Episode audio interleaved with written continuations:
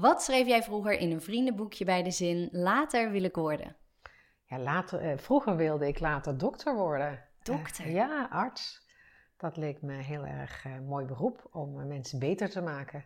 Ja, had je dan ook al iets in gedachten, een specialisatie? Of is, was nou, dat... volgens mij ging dat niet zo ver toen Nee. ik kind was. Dat was gewoon echt, ik wil dokter worden. Alleen ik kwam er op eh, eh, twee of drie gymnasium achter dat je dan scheikunde en natuurkunde in je pakket moest hebben.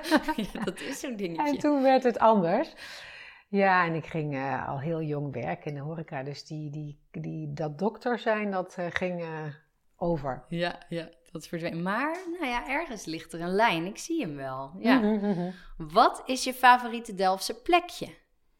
Ja, nou, ik heb daarover nagedacht. En toen dacht ik, de eerste keer dat ik in Delft kwam, toen woonde ik hier helemaal nog niet. Dat was in 1988. Toen moest ik voor een groot cateringbedrijf een partij doen in het Hoogheemraadschap op de Oude Delft. Ja, Gecombineerd met een deel in de Oude Kerk.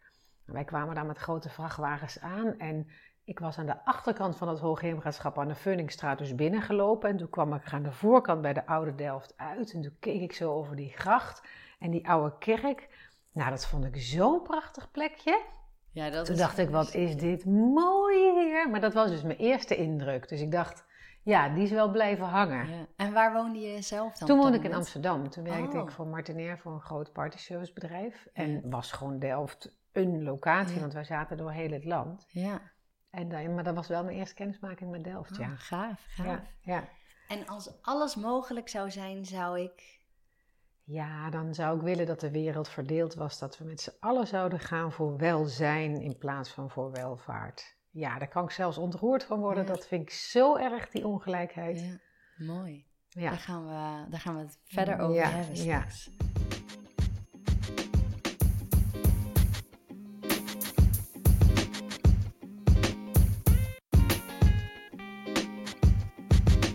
Welkom.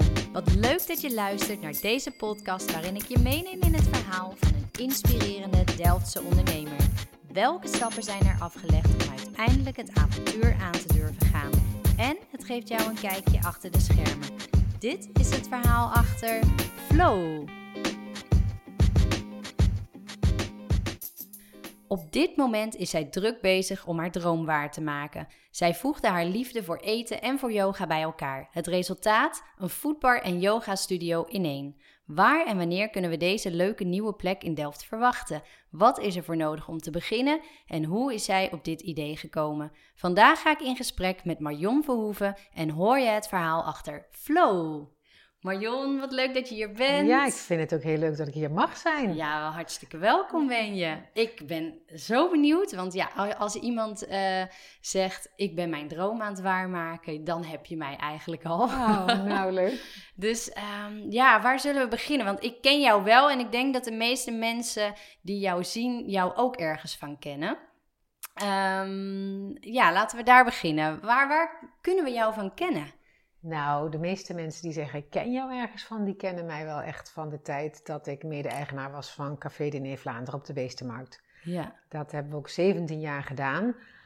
Is wel al lang geleden, maar daar word ik nog steeds door herkend. Ja. Mensen zeggen, ik, je hebt een bekend gezicht. Eh, ja, daar kennen mensen mij van. nou ik schrik daar zelf ook een beetje van, als het al zo lang is Ja, geleden. 2008 hebben wij dat verkocht. Dus dat Ja. is echt al 13, ja, dat wordt nu in mei 13 jaar geleden. Ja, wow. Ja. Ja, en nou, wat ga je dan nu doen? Ja, nu ga ik eh, nog steeds wel die horecakant, die hospitality, het voor mensen zorgen, iets moois creëren. Dus een foodbar beginnen. Ehm, maar ja, dan wel iets meer gericht op het, op het faciliteren van een wat gezondere levensstijl. Zonder met zo'n belerend vingertje van, je zult geen bitterballen eten. Nee, het is even goed, lekker een biertje, een espresso, lekkere dingen. Genieten is ook heel Ja. gezond voor je op z'n tijd.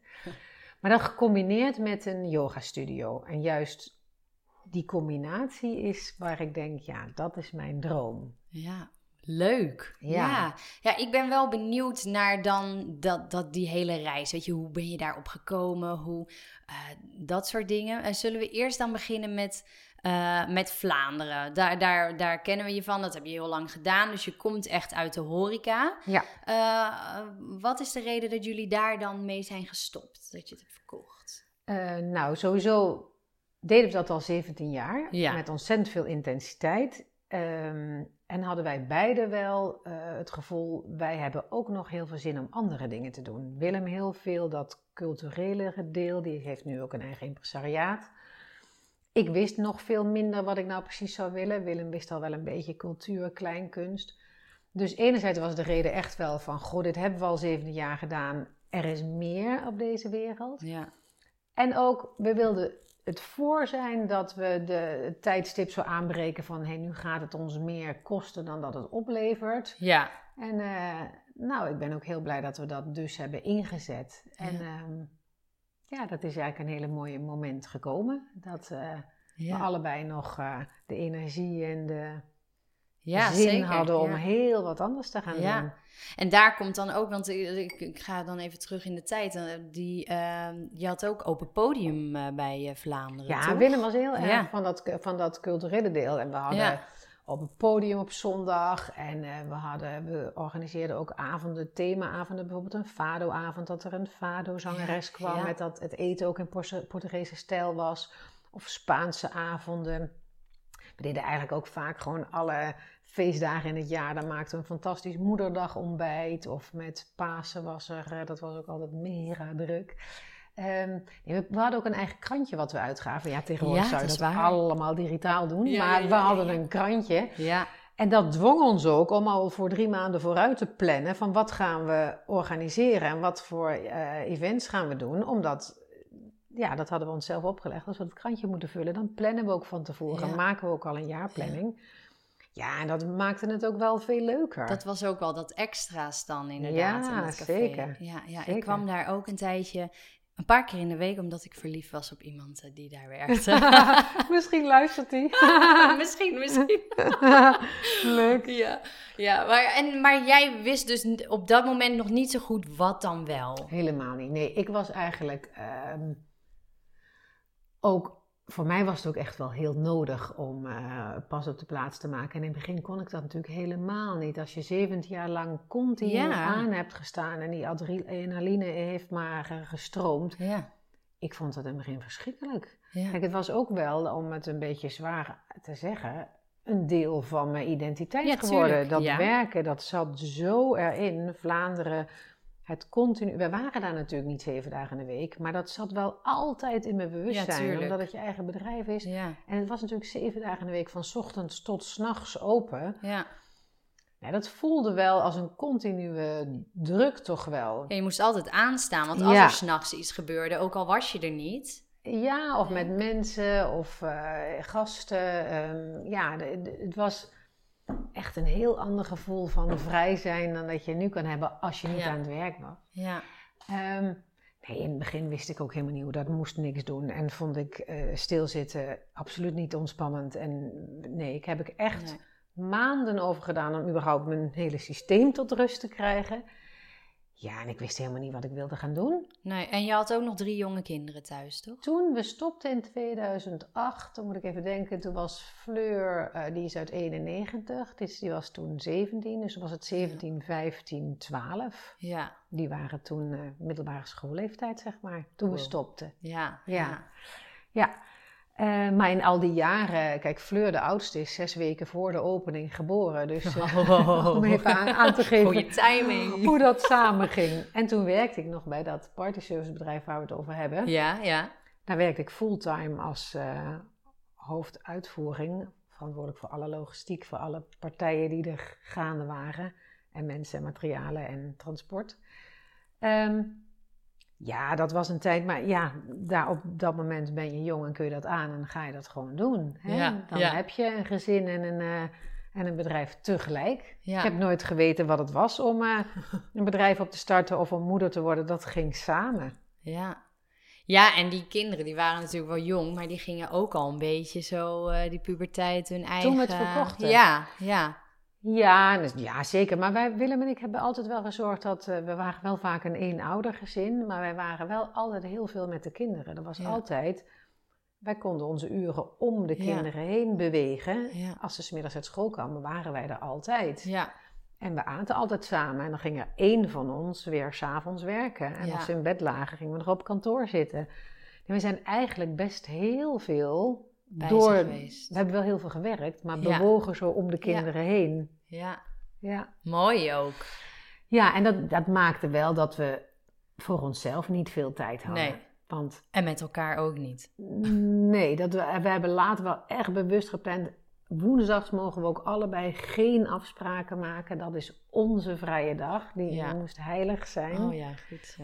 Eh, en we, gingen ook altijd gewoon twee keer per jaar op vakantie. Met dat, we, hè, dat vonden we gewoon, dat moeten we echt plannen, ook belangrijk.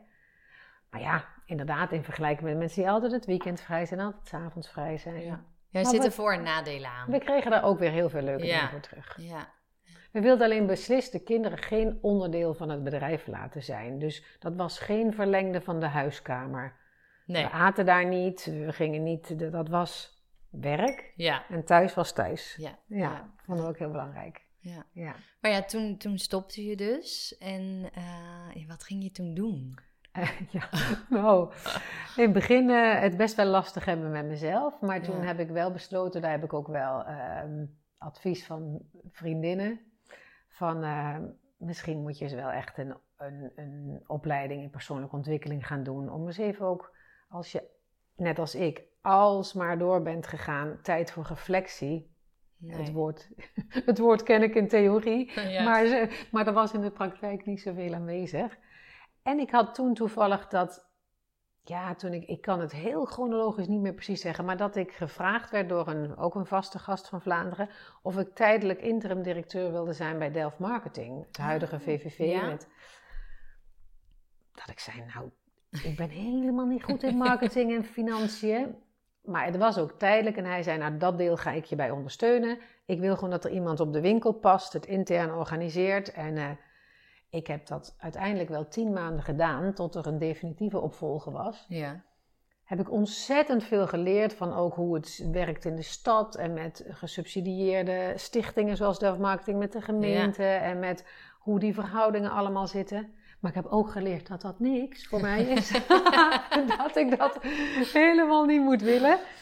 Maar ik zou het ook niet gemist willen hebben. Daar, Nee. daar heb ik ook wel weer heel veel geleerd. Ja, Ik vond het ook moeilijk en lastig. En, ehm, maar ook heel leerzaam en heel nuttig. ja, en het heeft je dus ook weer een stapje gebracht van, nou, dit is het niet. Nee, is echt niks voor Nee. mij. En ik weet nog, eh, alsof alles een beetje zo ging. Want hier werd ik voor gevraagd. En ik weet ook nog toen die interimperiode afliep.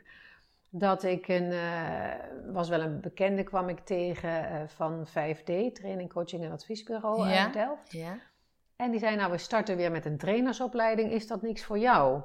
En toen dacht ik, nou, dat lijkt me wel wat. Maar ik dacht toen echt wel, dat is wel wat. Van ja, nou, ik word wat ouder, dat lijkt me best wel een hele mooie fase dat ik training, coaching, meer in de overdrachtelijke zin, mijn kennis en ervaring ga delen. ja. Dus ik heb dat ook gedaan en eh, ook de coachopleiding daarna bij hen gevolgd. En ondertussen bezig met een bedrijfsplan daarvoor schrijven om als franchise-nemer aan te sluiten bij 5D. Heb ik ook gedaan. Ehm, ondertussen ging ik dan vaak wel al mee met training als een soort, in het begin als een beetje trainee Ja. of een beetje erbij zitten of een beetje half ook sommige onderdelen al mogen doen. Ook eigen coaches gehad en het ook wel echt in de praktijk gedaan. Maar ik vond het allemaal wel leuk. Ja, En ja, toen dacht ik op een bepaald moment, of ik ben er nog niet aan toe, hè, dat, hè, misschien over een paar jaar. Maar ik miste zo de sprankeling en zelf met de voeten in de klei staan, dat ik dacht, nee, ik moet, gewoon van, ik moet hier gewoon weggaan. En ik heb geen idee wat dan wel, nee, maar dit is het niet. nee. Oh, wat goed. Ja. En herkenbaar. Ja, ja. Ja. Ja, en, ja, en toen? Ik ben heel, heel nieuwsgierig. Mm. Ja, toen. Ehm, toen, eh, ik denk dat toen wel de fase kwam dat ik samen met ehm, Bart, maar ook mijn partner, maar die ook nu samen met mij dit gaat beginnen. ehm, en Hugo en Kim van Hanno. die Ja, hebben wij er ja. later bij gevraagd. Maar Bart en ik zijn toen in contact gekomen met ehm, de eigenaar van de paardenmarkt. Die Ja. daar horeca wilde beginnen, wat nu Kruid is. Ja, ja. En daar zijn wij eigenlijk wel, ik denk wel 15 maanden ook mee in onderhandeling geweest. En eh, hebben daar al veel partijen voor hem gevoerd, want inmiddels had hij daar al wel veel bedrijven. En het was echt de bedoeling dat wij daar een prachtig restaurant zouden gaan beginnen met dan Hugo en Kim. eh, die zouden dat samen met ons gaan doen. Oh, En Hugo zou bij Bart in de keuken komen. Die zouden dat samen gaan doen. Met Ja. Hugo ook veel, ehm, juist, eh, ja, die is heel goed in administratieve, logistieke eh, dingen. En Kim zou helemaal verantwoordelijk worden voor het gedeelte voor de schermen. Ah, En uiteindelijk ja, om allerlei redenen, maar ook omdat we ons toch niet zo. We begonnen ons langzaam steeds minder in dat profiel van dat technische offshore bedrijf. We dachten, het is toch niet eh, dat we hier helemaal vrij kunnen zijn en kunnen doen Nee. wat wij willen. Met alle respect voor hen hoor. Ik bedoel, we zijn in, eh, in goede harmonie van tafel gegaan, maar dat we na best veel moeite, omdat we er ook al 15 maanden mee Ja, bezig waren ja. en al. eh, ehm, ja, ook interieurontwerp was gemaakt, grafisch Oh, jeetje, ontwerp. We waren echt al in een vergevorderd stadium. Ja. Dat we toch besloten, we stappen van tafel. Dit voelt niet oké. Nee. Wij kunnen hier niet doen wat wij willen doen. Nee.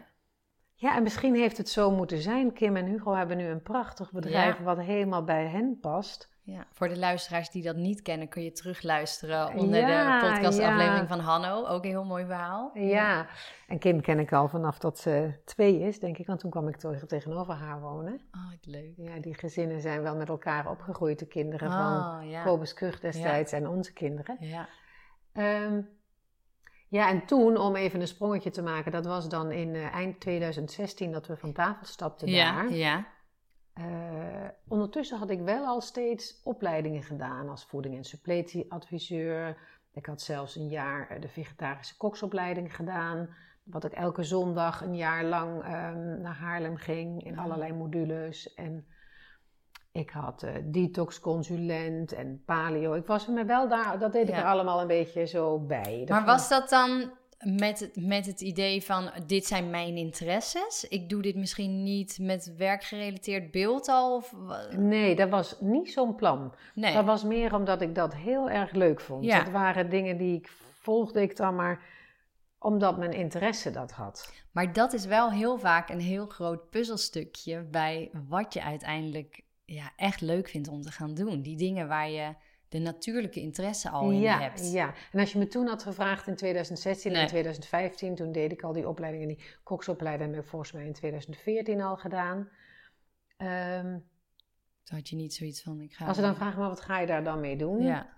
Nee. Ja, weet niet. Ik heb toen ook nog maandenlang eh, stage gelopen bij Spirit in Rotterdam, in die, Ja. in die keuken. Ja. Ehm, ja, omdat ik het gewoon wilde leren en er meer van wilde weten. En, maar ik, ik wist dat nog niet zo. En toen, eind 2016, toen we bij de paardenmarkt van tafel stapten, toen ging mijn relatie met Bart ook over. En toen dacht ik, ik vertel het me altijd een beetje met, met cynisme van...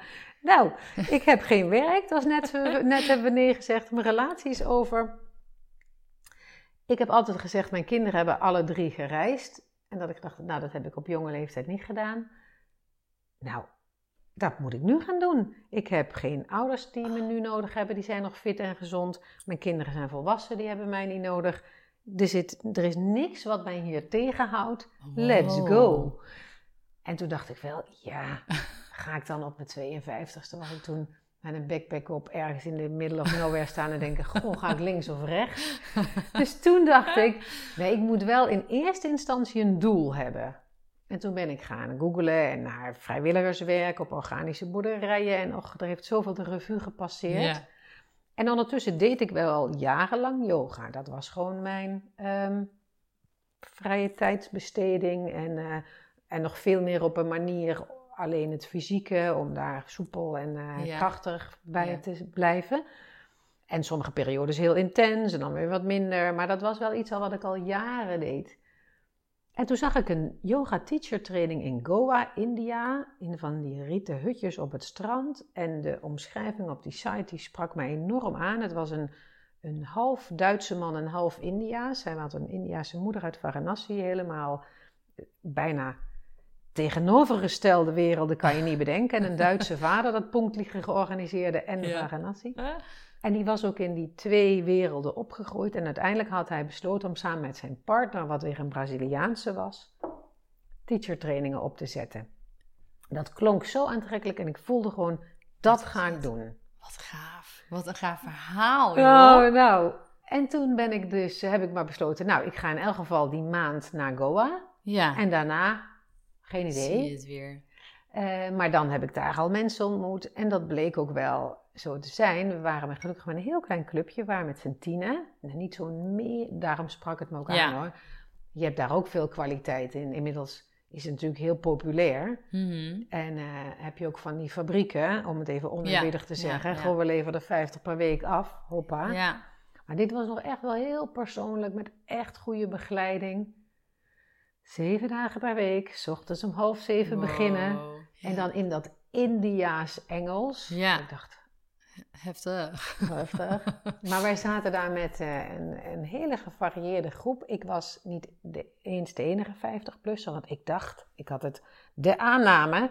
Dan kom ik daar met al die 25-jarige meisjes Oh, die ja. hun benen in hun nek kunnen leggen. De, ja, ja, ja. Maar eh, nee, het was een hele diverse groep. Van een eh, Canadese man, een, eh, een Belgisch meisje dat toevallig wel, een, eh, iemand uit Australië. We waren met z'n tienen heel divers. Een Japanse. Nou, een super intense, hele leerzame, onwijs leuke tijd gehad. Ja. Goede tijd, onwijs veel van mezelf en van alles geleerd. Ja. En toen ben ik met twee van hen, eh, die ook nog niet naar huis gingen, verder naar het noorden gaan reizen. En toen is mijn dochter Merel gekomen, die had toen ook een tussentijd tussen de studie en een, eh, en een master die ze zou gaan beginnen. Maar die had wel zoiets van, ik ga niet met mijn moeder optrekken, en wat ik ook heel gezond vind. Dus wij Ja. hebben elkaar wel ontmoet. Ja. Zijn een tien dagen denk ik samen geweest. En toen is zij in de Himalaya gaan hiken en ben ik in mijn eentje ook weer verder gegaan. Gaaf. Dat ik verschillende opleidingen daar nog deed en ehm, overal verschillende yogalessen ging volgen. En ja, om dat een beetje wel te blijven doen. Ja. En ondertussen ook van het land te genieten en eh, ook af en toe van te gruwelen. nee, dat is, Ja. you love it and you hate it. Ja. En ik had alleen met de andere twee kinderen, met Daan en Fleur nog afgesproken. En met Merel, die inmiddels in de Himalaya zat. We ontmoeten elkaar op 8 juli in Bangalore. Dat is in Zuid-India Ja. een beetje zuid-midden. En ehm, dat hebben we ook gedaan. Ik was er de dag eerder en toen kwam Merel uit het noorden en toen kwamen Daan en Fleur, die kwamen nog een dag later. En toen zijn we eh, ruim een maand met z'n vieren gaan backpacken. Wat gaaf zeg. Ja. Wow, wat een cool verhaal. Als je mij vroeger had verteld, en jij gaat later als je kinderen volwassen zijn met z'n ja. alle drie backpacken door, toen zijn we in Zuid-India en Sri Lanka geweest. Ja. had ik gezegd, nee, wauw, echt? ja, het lijkt mij ook tof hoor. Ik teken wel. Ja, maar het was wauw echt. En Daan is toen nog ge- gebleven, die bleef surfen. En ik ben toen met Fleur en Merel weer naar huis gegaan. En toen was ik vijf maanden weg geweest en Merel dan drie. Fleur dan alleen die maand vakantie. Ja. Daan is nog weer langer gebleven en later teruggekomen. Heel gaaf. En was dat dan ook voor het eerst dat jij een soort rust vond? Want je ging, ja. Nou, misschien niet voor het eerder rust vond, want dat zou wel echt... Kijk, 2008 hebben we dat bedrijf verkocht en dit was inmiddels alweer 2017. Ja, oké. Ja. Maar wel voor het eerst dat ik echt alleen was. Ja. Ja. Dat kende ik tot 2008 gewoon überhaupt niet. Nee. Hè? Want ik vond het moeilijk toen Willem en ik uit elkaar gingen in 2005. De, die drie jaar dat de kinderen de halve week bij Willem waren. Maar dan ging ik maar werken. Hmm, Hè? Ja, ja, ja. Dan verstopte ik me maar in heel... Dan ik, dat ik dan mezelf inrooster die momenten daar. Ja. Dus of ik was aan het werk, of ik was weer met de kinderen. Ja. En ik kom ook uit een gezin waar alleen op je kamer er niet bij was. Hè? Dus, eh, ik, ik, en ik heb op de hotelschool gezeten toen het nog een campus had. Dat je twee jaar intern moest. Nou, Oh, alleen, zo. alleen zijn, dat hoorde er ook niet bij. Nee. Zo, dat is ook wennen dan. Ja, ja. en eh, ik heb wel heel erg geleerd om, eh, dat het ook heel fijn en, en heel nodig is om Ja. ook alleen te zijn. Ja. En, eh, Ja. Ja, nee, dat waren wel de eerste momenten dat ik echt. eh, er zijn natuurlijk wel eens avondjes geweest of een dag. Of een, Tuurlijk. Ja. echt Ja. alleen. Maar zonder eenzaam te zijn. Ik bedoel, dat, heb, dat gevoel heb ik helemaal niet gehad. Nee, maar, maar, je komt wel dan echt, nou ja, of jezelf tegen, dat klinkt dan misschien weer negatief, maar je komt wel echt bij jouw gevoel. Wat wil jij? Wie ben jij? Wat, eh, ja. En door wat langer te blijven. En ik denk dat heel veel mensen die gereisd hebben. Kijk, ik heb één prille ervaring. Er zijn natuurlijk heel veel mensen die hebben Hmm. veel meer ervaring. Je gaat vertragen. Ja, Er is niet een wekker die morgenochtend. En is- moet niet zo'n to-do-list. En ehm, dat vertragen daarvan, eh, denk je. Ik vond het ook echt het begin hier dat ik dacht. Wat is iedereen gehaast en Ja. wat moet er allemaal veel. En dat je dan het heilige voornemen hebt ja. dat je daar niet weer in gaat vervallen. ja, dan probeer je even heel erg aan vast te houden. En nou, dan, eh, ja, niet. nee. Maar eh, nee, dat vertragen is wel, dat gun ik iedereen. Ja. ja, dus toen kwam wel de ommekeer misschien. Van dat je dacht, ik wil... Ja, nou, die is eigenlijk nog door iets anders wat ik, dat ik dacht, ga ik dat ook delen, maar het is wel essentieel. Ik, dacht, ik ben toen ehm, wel yogales gaan geven. In het begin dacht ik, nou ja, dit is een ervaring voor mezelf. Ik, heb, mm, ja, ik had niet zo de ambitie, ik ga yogadocenten worden. Nee. Maar die yogaschool waar ik toen yogales volgde, die zei van, ja, maar ja, je mag hier wel een paar lessen geven als je dat wilt. Oh ja. En toen dacht ik, nou, het voelt eigenlijk een beetje net of ik mijn rijbewijs heb, maar niet ga autorijden. Dus ja, ja. Ja, ik ga het wel maar doen. En toen kwam ik er wel meteen achter vanaf de eerste les, dit vind ik leuk. ja, dat voel je dan. Ja. Ja.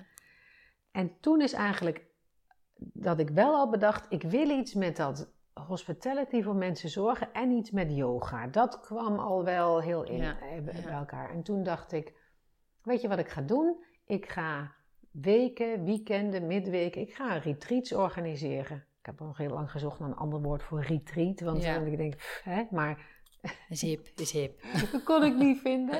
Ehm, heb ik ook een aantal keren gedaan als een soort proef.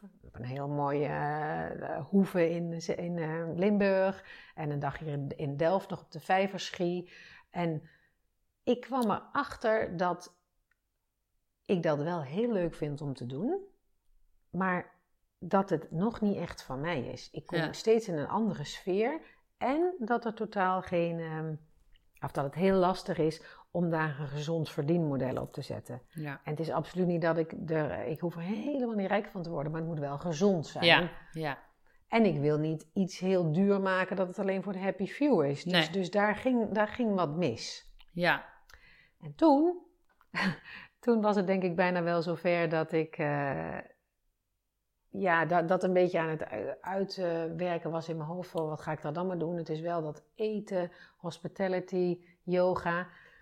En toen kreeg ik fysieke beperking. Toen kon ik in één keer eigenlijk niet meer van mijn huis naar de Albert Heijn lopen. Oh. En om die hele medische circus Ja. in twee zinnen te vatten. Het heeft uiteindelijk anderhalf jaar geduurd. Maar ik ben nu twee nieuwe heupen verder. Ik heb Oh, wow. twee stalen heupen. En ehm, toen werd ik dus noodgedwongen om echt pas Ja. op de plaats te maken. En Oh. niet maar wat moet ik, wat moet ik. Ja. Maar ik had me daarvoor al wel opgegeven voor een eh, Hatha Yoga verdiepingsopleiding. Want dat wilde ik heel graag gaan doen. Bij een docent waarvan ik ook dacht, ja dat wil ik wel graag bij jou. Eh, Hatha yoga. Ja, dat is eigenlijk de, de basis yoga. Daar zijn al die, noem ik maar, moderne varianten. Als men zeggen, we doen vinyasa flow en we doen ehm, eh, yin yoga. Of we hebben dit. Dat is allemaal uiteindelijk op variatie op de basis van Ja. hatha yoga. Ja. En zo'n verdiepingsopleiding, dat is eigenlijk ook gewoon een soort eh, zelfonderzoek, zelfreflectieopleiding. Hoe zit jij in elkaar en Ja. hoe ben je opgebouwd in, eh, in waarom doe je de dingen zoals je doet. Ik vertaal het even maar wat gemakkelijker, omdat Ja. het ook te veel te ver gaat.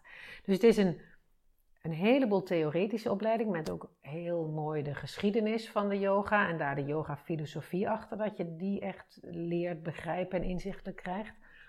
Ook een hele didactische opleiding, lessen opbouwen en leren lesgeven. Maar het is ook een heel erg eh, ja, inzicht van jezelf. Waar loop ik tegenaan en hoe komt dat en wat, Ja. wat kan ik daar? Je, gaat ook een, je moet ook een essay schrijven. Je moet, eh, het is echt een, echt een Ja. verdiepingsopleiding. Mooi. Ehm, maar ik zat toen tussen heup 1, die net geopereerd was in een revalidatie, en heup 2, die niet zo zijn best deed, wat toen nog niet bekend was dat hij ook moest. Dat ik Oh. tegen die docenten zei: Ja, ik heb hem wel opgegeven, maar ik denk Ja. niet dat ik dit kan doen. En toen zei ze: Je mag het zelf weten, maar van mij wel. En ik denk dat het heel goed gaat. En ik dacht, oké. Dus ik kan eigenlijk wel zeggen, door haar ben ik dus dat toch gaan doen. En heb ik maar twee praktische lessen gemist. Ben ik uiteindelijk gewoon met mijn kruk in de trein Zo naar dan. het bos gegaan. en eh, kon ik natuurlijk niet alles meedoen wat het fysieke deel betreft. Maar dat is ook maar een deeltje. Hè? Ja, Ehm, maar kon ik wel al het andere meedoen. En heb ik, denk ik vaak, ja, dat klinkt een beetje zwaar, maar kan ik eigenlijk best wel stellen dat niet ondanks mijn heupen, maar dankzij mijn heupen, ja, dat het universum tegen mij zei: Je gaat maar eens echt stilzitten ja. en voelen, voelen wat er nodig is. Ja, Toen is dat wel echt van, ja, maar ik wil gewoon een eigen plek. En toen zei ik ook steeds tegen mezelf, ik werd toen, eh, voelde me energiek en fit. En toen dacht ik, ja jeetje, maar daar heb ik toch ook nog alle energie voor en alle zin in. En toen ben ik eh, naar makelaar gaan, want god, en dit zijn, dit zijn mijn wensen. ja. Als je een pand tegenkomt, dan eh Wat cool. call me. Ja. Ja, ik geloof daar ook in. Maar dat is wel, daar, daar moet je vertrouwen in hebben. En dat, en dat, ja, weet je, als deuren sluiten, dan komt er iets nieuws op je pad. En dat hoeft het dan nog niet meteen te zijn. Maar er komt altijd weer iets nieuws. En dat leidt je uiteindelijk tot. eh, Ja, en kleine stapjes. Ik, ik, ja. ik ken ook maar weinig mensen die hier een bullet point hebben. Daar wil ik heen. En hoppa. Nee, Nee. het gaat toch met kleine treetjes. En daar komt dan Ja. En vaak dus in stilte.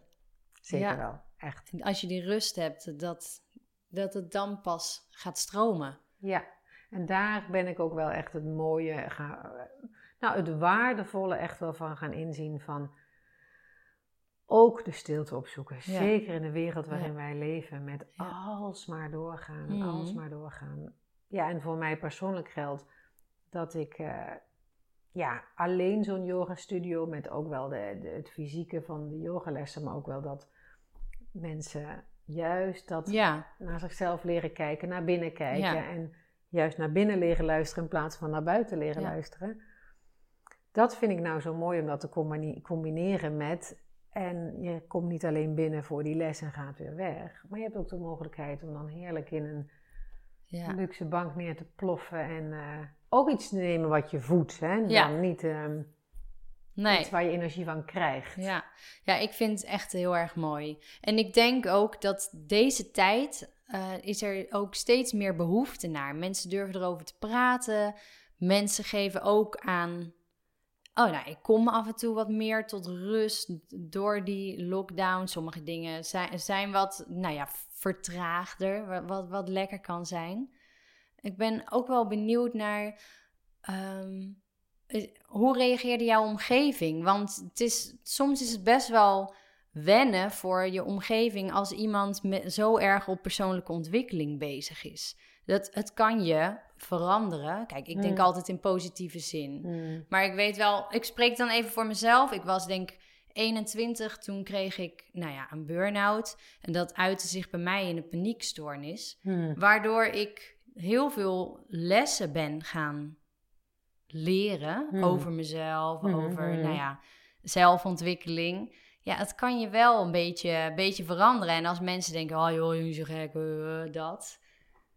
Ja, zeker. Maar ehm, ik denk dat het al begint bij gewoon leren luisteren naar wat je lichaam of je gevoel je vertelt. Ja, Hè? Dat ehm, heb ik natuurlijk jarenlang niet gedaan. nee. Absoluut niet. Nee. Dat mijn lichaam al lang aangaf van het is genoeg, het is te veel, het is te druk. Ehm, doe eens een onsje minder. Ja, Ja, dat heb ik om wat voor reden dan ook gewoon ontzettend genegeerd. Dat heeft enerzijds te maken met eh, mijn opvoeding, dat je Ja. ook bent gevoed van niet zeuren en niet piepen. ja. paracetamolletje. En je gaat maar door.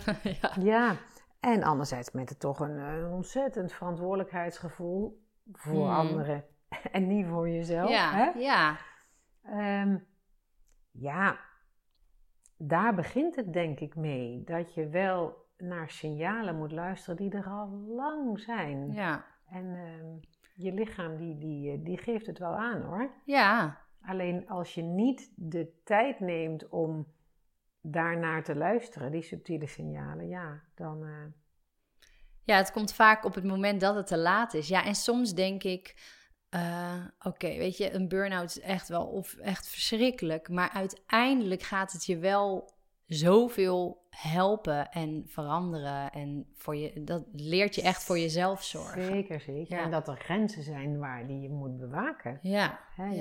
Je, je, had ook zo'n mooie vraag, hoorde ik, van ja, wat is je grootste fout of blunder? Ja.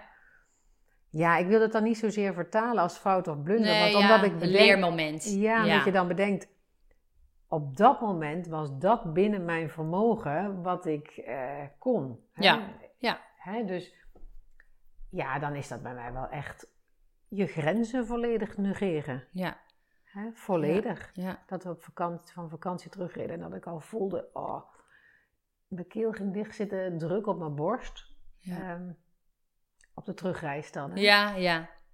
Ja, en dan maar denken, ja, ja, ja, dat hoort erbij. In plaats, dat was echt een signaal. Hey, waar jij nu naar terug gaat, die druk en die verantwoordelijkheid, dat tempo, dat ritme, dat, is dat moet anders. Mm, ja, ja. En dan ging ik de volgende ochtend toch maar weer ja. longen vol met lucht, schouders naar achter. Daar gaan we weer. Ja. Ja, ja, en die, die vraag ook van wat is dan je grootste blunder of fout, dat is bij mij vooral dat ik denk, oké, weet je, er zijn niet echt fouten, daar leer je van en soms valt het heel erg mee, maar omdat we heel vaak de negatieve dingen en de beren op de weg allemaal zien, dat is een beetje meer de insteek van die vraag van, hey, weet je. Ja, ik snap het ook Ja. heel goed. En ik blijf dat het moeilijk vinden. Ik heb dat in... eh, de opvoeding van mijn kinderen ook altijd wel een van de moeilijkste dingen gevonden. Dat ik denk, kijk, ik ben opgevoed met niet zeiken en niet zeuren, maar doorgaan. Mhm. Ehm, nou ja, dat wil ik natuurlijk wel. Want je mag wel eh, emotie tonen en je mag wel kwetsbaar zijn. Dan ben je juist veel sterker. En je mag wel zeggen, dit wil ik niet. Mhm.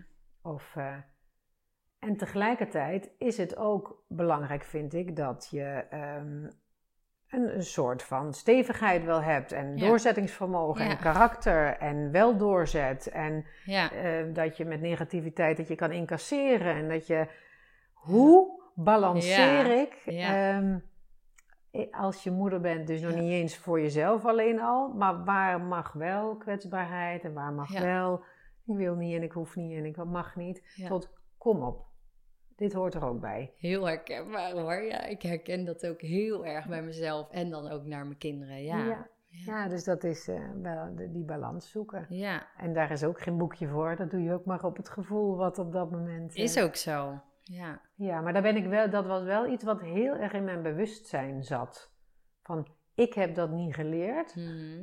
Hè? ja. maar daar, daar wil ik wat mee. ja. Ja. Ja, ze zouden dat op scholen ook veel meer eh, kunnen doen. Die, zulke lessen ook. Kennen we er nog wel honderd, hè? Ja. Dat, dat ken ik met eten ook, dat Ja, mensen weer leren, zeker. wat is eten? Ja. Ik zeg altijd spottend, kleuters denken dat croissantjes aan een boom groeien. Ja, ik bedoel, weten überhaupt niet, oh, zijn croissantjes niet gezond? Oh, nou, dachten wel. Ja. Men weet helemaal niet meer wat je erin stopt, waar het Nee. vandaan komt, wat Nee. totaal niet. Nee. Nee, er moeten smaaklessen op school. En, eh, Ja, ja, ja, ja, ja, ja. Wat, wat, wa- nou ja, als we het dan toch naar, over het eten hebben, wat, wat kunnen we dan verwachten bij de foodbar? Ehm, Balans, zei je al wel. wat zeg je? Een beetje balans, zei je al wel. Ja, want kijk, ik zeg altijd ook wel van, eh, je hoeft echt niet te denken dat je er alleen maar gerst, gierst en gort mag eten. Helemaal niet. Maar we willen zonder vlees en vis gaan werken. Ehm, maar dan met de hoop dat, met de hoop, daar, daar zijn we ook eigenlijk wel gewoon van overtuigd, dat je het niet gemist hebt als je weggaat. Nee, Het is er gewoon niet. nee. Maar dan wel met onwijs veel aandacht aan ehm, juist bereidingswijze, aan kleur, aan presentatie, aan samenstelling, aan, ook aan voedingswaarde. Gewoon weer echt eten eten. Puur, puur eten. Echt eten eten. Ja. Maar ja, ook gewoon lekkere eh, taartjes en eh, lekkere koeken en ook een biertje en ook eh, Ja. een lekker glaasje wijn. Het is niet dat belegende vingertje van Nee. gij- zult geen bitterballen eten. Nee, vooral ook dat op het moment dat jij denkt, oh, daar heb ik nu echt zin in. Ja. En er dan van genieten, hè? Ja, Je niet dan schuldig voelen, oh, toen heb ik wel vier bitterballen op. Nee, nee. nee. Ja. maar ja, heel veel aandacht aan juist weer. eh, Bart gaat ook nu, eh, hij start daar deze week mee met eh, waar ik destijds een vegetarische koksopleiding heb gevolgd van een jaar. Ja, ja. Die mevrouw is zich ook maar aan het doorontwikkelen. Ik vind haar echt een grootheid op het gebied van ja, plantaardig koken. En zij heeft nu een, een, een opleiding ontwikkeld voor professionals. Dus voor mannen en vrouwen die al jarenlang als professional kok werken, maar die opgeleid zijn met altijd basis vlees-vis. Ja, Om daar een veganistische koksopleiding aan te geven. Dus echt leren omdenken en leren ook van het is natuurlijk heel anders wat gebeurt als ik geen boter gebruik, geen eieren om te binden. Allerlei weer bereidingstechnieken. Ja, superleuk, daar wordt ook heel veel zin in. Sowieso is zijn manier van koken in de loop der jaren al steeds meer aangepast. En steeds meer werd die lap vlees van 200 gram is al gereduceerd tot 60 gram, een beetje erbij, weet je. ja. En gaat het verder om groenten, kruiden. Ja, dus ja, dat vind ik alleen maar erg leuk. En Ja, om redenen ook, ja, die iedereen wel kent. ja, ja. Aan onze toekomst denken, de aarde, zeker. Ja, de generaties na ons, ehm, dieren, ja. ja, ja, de natuur. ja, de natuur. Ja, Ja, ja en dat, dat gaat Bart doen, ja, zei je. En, en Bart is Bart Sotijn. en die eh, heeft, ja, die werkt ook al van, eh, ik denk nu, inmiddels al ruim 20 jaar in keukens. Ja, al eerst als bijbaan naast een studie commerciële economie. Was niet echt de bedoeling dat hij daarin zou blijven hangen, is wel gebeurd. Heeft ook samen met een compagnon zeven jaar een food catering bedrijf gehad, dus kent het ook wel wat het is om eh, zelfstandig ondernemer te zijn. ja, En was de laatste jaren steeds weer, ja, hij heeft ook dat traject natuurlijk met mij gehad dat we bij de paardenmarkt zouden starten. Moest Ja, daarna ook even ja. weer opnieuw ademhalen van, oké, Ja. eh, dat gaat dus niet door. Wat dan? En is toen als chef-kok eh, juist bij verschillende bedrijven gaan werken om de keukenorganisatie te, op te zetten. Echt systeem daar, eh, ja, om echt een structuur neer te zetten. ja. En dat heeft hij nu als laatste gedaan bij Dels Brouwhuis. Daar is Oh, hij ja. van begin bij de bouw, bouw al bij betrokken. Ook voor de hele inrichting van de Oh keuken. ontwikkelen van de kaart in overleg met de eigenaren. Eh, medewerkers aannemen. En dan zou hij daar alleen het concept implementeren en dan weer weggaan. En toen kwam corona. Ja, ja. echt eh goede timing. Ja. Ah, Dus die heeft, eh, aanvankelijk had hij ook nog steeds een plan om wel met een andere compagnon echt een restaurant te beginnen. ja, En nu de corona zoveel langer duurt en he- heeft hij inmiddels ja, ook steeds meer interesse gekregen. Hij zou bij mij datzelfde gaan doen als wat hij bij die andere bedrijven Ja, heeft. Gewoon ja. mee het concept implementeren. ja, Ook een half jaar, acht maanden als gewoon consultant betrokken zijn bij het eh, hele proces. En dan weer zeggen, tot ziens, ik ga verder. Maar naarmate de tijd vorderde en wij veel vaker zijn ook, ook gaan eh, brainstormen of wat gaan we daar nou van maken, is en zijn interesse steeds meer vergroot en is ook steeds helder. Dat komt ook wel doordat het steeds helderder is wat we ervan willen gaan maken. Want Ja. naast die, die kaart met dat, eh, eh, ja, vind ik wel super heerlijke, lekkere, eh, gezonde eten, ehm, willen we ook heel erg inzetten op proeverijavonden. Dat je kan aanschuiven in het seizoen bij een veganistische proeverij van vijf gangetjes. Dat we er andere thema's aan verbinden. Dat er bijvoorbeeld in die yogeschool iets is en dat daarna Oh, een, eh, een, een, een lunch is met. Ja. Dat we veganistische kookworkshops willen gaan geven. Doordat er leuk. veel meer ook dynamiek in komt. Ja, Kijk, je kunt het negatief zeggen dat Bart als man van 40 zegt: ja, koken bij een yogaschool. En dat snap ik helemaal. ja. Maar ja, dat is het uiteindelijk niet. Want Nee, ja, die, die foodbar is ook helemaal gewoon zelfstandig. Als al heb je niks met yoga, nee, dan eh, is- staat het ben los vooral elkaar. heel erg welkom. Ja, het, zijn Het heeft ook allebei een aparte ingang, alleen Ja. het heeft ook een, eh, een binnendoor. Ja, Je kan ook lekker na je les doorlopen, maar je kan ook denken, nou ik heb nu mijn les gedaan en ik heb helemaal geen zin in mensen, ik ga lekker weg. ja, ja. Dus het mag en het moet niet.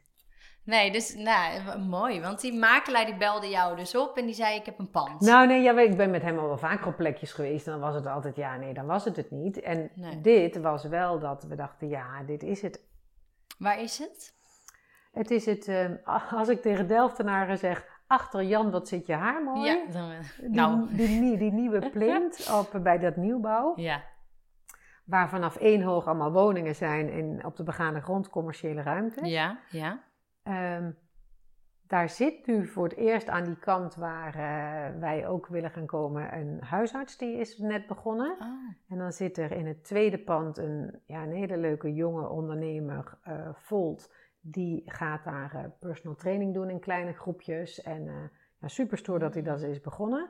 Ook zijn vaste baan opgezegd en als revalidatie fysiotherapeut geloof ik, om voor zichzelf te beginnen daar. Mm. En dan zitten er nog twee panden. En die zou ik graag beginnen met op de hoek. Is ook een mooi terras. Dus aan, het, aan de foodbar zit, zit ook een hele mooie buitenruimte. Klinkt heel gaaf. Is het, eh, is het dat tegenover de um, studentenhotel? Ja, maar dan aan- wel aan de andere kant van de weg. Hè? Dus eh, je zit als je vanuit eh, de stad richting het ziekenhuis gaat. Ja. Dan is het als je van de stad naar het ziekenhuis aan de linkerkant van de Irene Boulevard. Ja. Ja. En het Student Hotel zit aan de oh, rechterkant. ja, ja, ja, ja, ja, ja. Dus aan de andere kant van de straat. Ehm, en daarvoor komt mooi de Delftse Loper. En aan de achterkant van het station komt een park. Wat Ja. doorloopt helemaal tot voor. Dus er komt geen nieuwe bebouwing tegenover het pand. Nee. Dat is wel heel fijn. Ja. Ja, en daar, maar we zijn daar vorig jaar januari al mee begonnen. hè, Met de eerste gesprekken. Zo, ja. Ja. Januari 2020. En toen zijn we in dezelfde vaart in maart 2020 weer van tafel gestapt. Ja. Toen de hele wereld op slot ging. Ja. Ja. En toen ben ik in augustus of september, dat weet ik dan niet meer precies, eh, wel weer het contact gaan eh, zoeken. Ja. Van goh, nou, toen zag het er naar uit dat in voorjaar 2021 de hele wereld gevaccineerd zou zijn en Ja. dat alles weer normaal was. Hadden we er nu gezeten? Ja, maar toen ben ik wel, toen heb ik me wel voorgenomen, ik ga het in elk geval helemaal financieel uitzoeken. Dan ga ik er ook allemaal vast kosten aan maken met architect, met ehm, ja, adviseurskosten, financiële adviseurs, maar ook het concept toetsen bij een horecaadviesbureau die ik al veel langer ken. En de onderhandelingen met Amvestin. We hebben ook aannemers laten begroten. En ehm, uiteindelijk hebben we ehm, in afgelopen maart eh, ja gezegd. Oeh, dit is heel kort nog, ja. Ja, maar wel met de ja dat de financiering rondkomt. Daar ben ik nu een eh, mega crowdfunding voor aan het eh, Ja. optuigen. Vertel daar eens even over. Wat, wat heb je nog nodig? En hoe kunnen mensen je helpen? Ja, het is zo dat ik de helft van de financiering bij elkaar heb. Ik investeer zelf anderhalve ton Mhm. en een gedeelte door particuliere leningen. En die andere helft, in totaal drie ton, Ja. wil ik in samenwerking met het platform Crowd of About Now Ja. uit de markt halen van mensen die mij geld willen lenen. Mhm. Wat ze binnen vijf jaar met rente en leuke extraatjes weer terugkrijgen. Maar om het mogelijk te maken om het investeringskapitaal bij elkaar te Ja. krijgen. Ja. En ehm, we, zitten nu, we zijn nu, eh, denk ik, anderhalve week aan het campagne voeren. En we hebben nog zes en een halve week. Mhm. We zitten nu op 44 procent. Maar ja, er is echt nog wel nodig dat mensen niet alleen zeggen van... oh, wat leuk en ik ga komen. Maar Ja. dat ze dat omzetten in... nou, dan schiet ik ook wat voor, want zo zie ik het maar. Ja. En eh, ik geloof erin en ik wil daar graag komen. Want dat is wel nodig willen Ja. te komen. Ja. Ja. Maar denken we dan aan grote bedragen van mensen? Of... Nee, dat is misschien wel het misverstand. Fijn dat je dat vraagt, want ehm, een heleboel kleine beetjes ben ik er ook. Een Ja. heleboel keer 500 euro, dan ben ik er ook. Of een heleboel keer 1000 euro. Ja. Hè? Ja. Natuurlijk is het fijn als er sommige mensen zitten, en die hebben er nu ook al tussen gezeten, die zeggen, nou, ik investeer wat meer. Maar mensen die dit zouden Ja. horen, ja, een heleboel kleine beetjes, Ja. dan ga ik er ook komen. En stel dat het dan niet lukt, krijgen ze dan hun geld terug? Of... Je bedoelt dat ik het geld niet bij elkaar krijg? Ja. Ja, Ja, dat- ik wil daar niet in geloven. Hè? ik denk Nee, altijd daar, we gaan dat niet maar- afdwingen. Maar wel goed om te benoemen. Daarom werk ik ook met een professioneel crowdfunding platform. Mhm. Zodat het zowel contractueel als financieel allemaal dichtgetimmerd zit. Ja. En als ik voor de einddatum een minimumbedrag van 3 ton niet bij elkaar heb, krijg je binnen vijf werkdagen, of nou niet eens Oh, werkdagen, ja. binnen vijf dagen 100% van je inleg terug. ja. Daar gaat ook niks van af. Nee. En, oh, en dat is ook zo over vijf jaar. Ja, dan krijg je er een beetje rente bovenop zelfs. Als het... Nee, nou, je, je, wordt, ehm, je kan dat zelf bedenken, maar onze afspraak is dat je het eerste jaar alleen rente krijgt, 4%. Ja, En dat we dan het tweede, derde, vierde, vijfde jaar ook aflossing geven. ja, En natuurlijk ook het rente van het resterende bedrag. ja, ja. Dus binnen vijf jaar, daar kan ik ook niet zeggen, joh, mag ik het volgend jaar pas betalen? Nee, Dat doet ook Crowdabout Now. ja, Dus die, eh, daar heb ik een overeenkomst mee. ja, En zij eh, betalen je ook terug. ja. Spannend hoor. Spannend Ja, dit is- avontuur. En dit is zoals ik in het begin zei, dat, dat Delft Marketing, dat, Ja. dat marketeren. Dat is lastig. Eh, nou, ik, ik wil wel, ja, ja, zo eerlijk zijn, ik vind dit een hele intense fase. Want Ja. dit is ver uit mijn comfortzone. Om mensen echt Ja. te vragen, wil je me helpen? Ja, Kun je me helpen opstarten? En eh, ja, maar nodig, anders kan die, ik kan die, dan kan ik ook niet gaan doen wat ik heel leuk vind om te doen. Dus dit moet wel, ja. maar vind ik heel intens. ja, maar dat snap ik. Ja, het voelt toch een beetje als leuren of zo. Ja. Ja, ik eh, ben daar ook niet zo goed in. Maar... Ja, vind, ik vind het echt heel intens. En het, ja, de ervaring heeft al geleerd dat gewoon persoonlijk benaderen, van goh, heb je even tijd, mag ik je vertellen? En, en de directe vraag stellen, is het wat voor jou? Ja, ja. Nou, dan moet ik Ja. een, een hoop... eh, ja, nou ja, Ja. ehm, Ja, mensen mogen ook nee zeggen. Ja, Tuurlijk. wat dan? Ja, dat, dat moet je ook maar bedenken. Dat, Ik maar hou- het is lastig, ja. ik hou steeds maar voor en dat mensen hebben hun eigen autonomie. Ja, Ik stel een vraag waar je alle vrijheid hebt om nee te zeggen. ja, ja, Dat zet ik steeds in mijn hoofd. ja. Oh ja, nou ja. En als het dan lukt, dan eh, wanneer, wanneer kunnen we er dan zitten? Nou, dan, dan, de planning is dan nu dat we echt dan in juni, juli, augustus en september gaan ja. verbouwen. Ja? En echt 1 oktober open. Zo. Oh, wat spannend. Ja, het klinkt wel echt als een heel leuk, mooi plan. Ik heb er ook zoveel zin in. Ja. Bart heeft er veel zin in. Mensen om me heen hebben er veel zin in. Ja, Echt. eh, en wij willen daar een hele gezonde organisatie neerzetten. Maar zonder.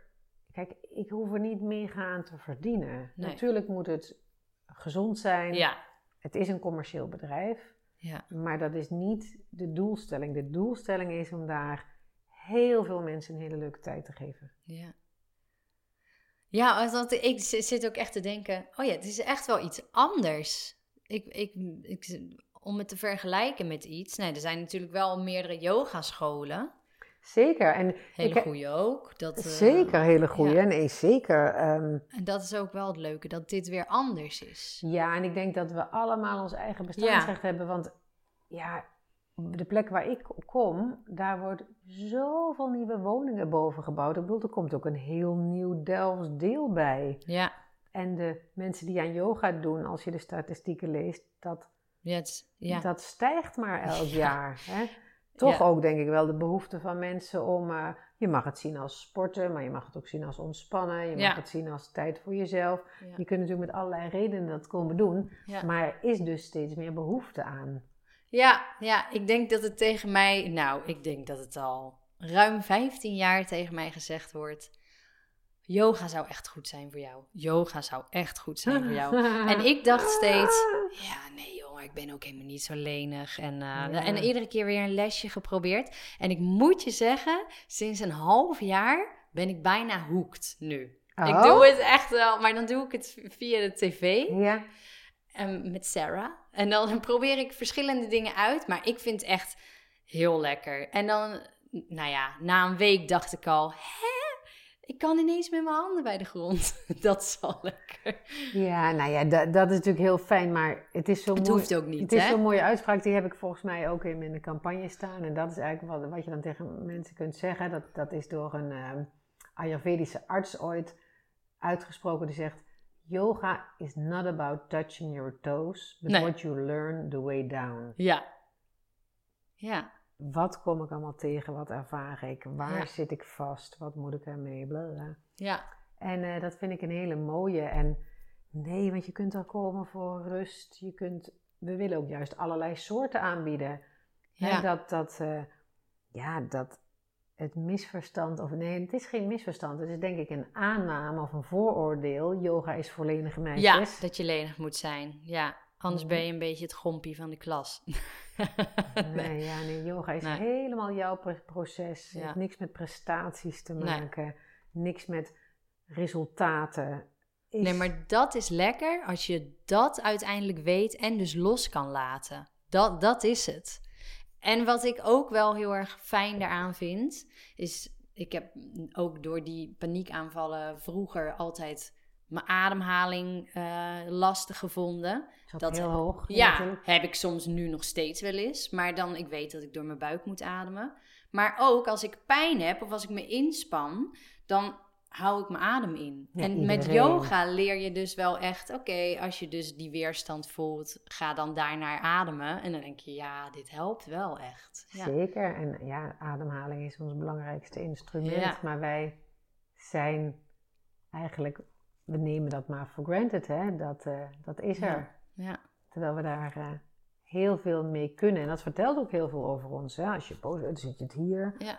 En je kunt er je hele systeem mee tot rust brengen. Als je begint bij je lichaam tot rust te brengen, dan wordt dat ratelende hoofd ook rustiger. Ja. Die allemaal tegen je vertelt wat je moet en wat je mag en wat je niet moet en wat je anders zou moeten doen. Ja, ja want je ademhaling vertelt eigenlijk, het is oké, je kan rustig zijn. Zeker, dus als je begint de ingang te zoeken in het fysieke lichaam, dan dat staat allemaal met elkaar in verbinding. Ik kan echt heel lang met jou kletsen, merk ik. We hebben echt wel een lange podcast, dus ik ga hem afronden. Maar ik zie er misschien ooit nog wel een vervolging. Uh, nou ja, ik... Uh, om over dit soort dingen te praten. Nou ja, en ik vind het hartstikke leuk dat ik de, de gelegenheid krijg om erover te praten. En um, ja, het is Natuurlijk ook, dit zijn ook de leuke dingen om te vertellen. Als iemand een vraag stelt, om te vertellen wat je wil gaan doen. Want ik ben daar natuurlijk enthousiast over en mee bezig. Dus ik vind dat ook leuk. Ja, en om, om, hem dan nog even... We gaan hem afronden. Maar nou ja, jouw doel is duidelijk. Um, we moeten gewoon zorgen dat Flow open kan op 1 oktober. Maar durf je dan nogal verder te dromen over... Nou, die vijf jaar. Wat, wat, wat moet er dan staan met flow? Of... Nou, sowieso um, een plek waar je het echt fijn vindt om te komen, waar, maar waar het ook fijn is om te werken. Dat vind ik echt heel belangrijk. Ook heel veel aandacht voor de mensen die daar werken, die daar onderdeel van zijn. Dat het daar ook heel prettig voor is. Mm ja, nou, omdat je op wat voor redenen dan ook uh, daar een soort ontspanning kan vinden. Al is het genieten met een biertje op het terras of met de espresso aan de leestafel. Dat we het ook op die manier gaan inrichten dat het al meteen een soort rust geeft. Ja. Ik werk ook met een mevrouw samen van Studio Lime. Die werkt volgens Biophilic Design. En dat is, om het heel in het kort te zeggen, zij brengen elementen uit de natuur terug in binnenruimtes. En denk aan materialen, aan licht, aan door hele subtiele dingen. Ja, dat is weer een vak apart hoor. Ja, ja, ik, ik, kan het ook niet. Maar door materiaalkeuze, lichtkeuze, afstemming van elkaar, heel veel groen. Dat je je vanzelf, je lichaam al, in een meer ontspannere stand komt. Ik ben zo benieuwd. Je moet er toch gewoon komen. Ja. En dat we dan ja, na vijf jaar gewoon dat de basisorganisatie echt, eh, ja, die moet al na twee jaar echt helemaal goed staan. Maar dat we daar ook steeds meer uitstapjes kunnen maken door leuke events te organiseren. Van een cacao-ceremonie met een, een mooie ontbijt daarna tot uh, die proeverijavonden. Ja, dat we daar ook juist de leuke uitstapjes kunnen maken die het, die het leuk maken voor iedereen. Om, om het te werken, om het te zijn, om het te doen. Ja. Genoeg leuke ideeën dus. Ja. ja. Ehm, als ze nou denken, ja, dit verhaal van Marion, dit heeft Delft nodig. Waar moeten ze heen? Waar kunnen ze je vinden? Ze kunnen mij vinden op www.crowdaboutnow.nl ja. slash flow. Oké. Dan vinden ze alles over mij. Misschien nog een Instagram? Wat, wat, Ja, ook dat is gewoon uh, Flow Yoga en Food. En op Facebook ook Flow Yoga en Food. Als ze naar die crowdfunding pagina gaan, dan zien ze meteen mijn filmpje. Dan zien ze ook het hele verhaal daarachter. Ja. En dan zien ze ook hoe je zou kunnen investeren en wat dat jou oplevert en wat je daarvoor moet doen. Dan Ja. wordt alles in uitgelegd. Ja, en ze zouden jou ook, als, als ze die site even niet kunnen onthouden, kunnen ze dus naar Flow, Yoga en Food, eh, Instagram. En als ze vragen hebben, kunnen ze jou misschien even een berichtje sturen. Zeker, ja. Ik eh, beantwoord graag alle vragen. Ja, vind ik leuk. Leuk. Ik wil je bedanken voor het fijne gesprek. En ik wil je heel erg veel succes wensen met al je mooie plannen. Nou, dankjewel Tamara. En jij dankjewel dat ik hier mocht zijn en dat ik de, de ruimte kreeg om het te vertellen. Heel graag gedaan. Ja. Bedankt voor het luisteren. En vond je dit nou een leuke aflevering? Wees dan zo lief om te liken, te delen, een hartje te geven of te abonneren. Daar help je mij en de ondernemers mee. En wil je meer informatie over mij? Kijk dan op www.tamaravreugdeneel.nl. Tot de volgende!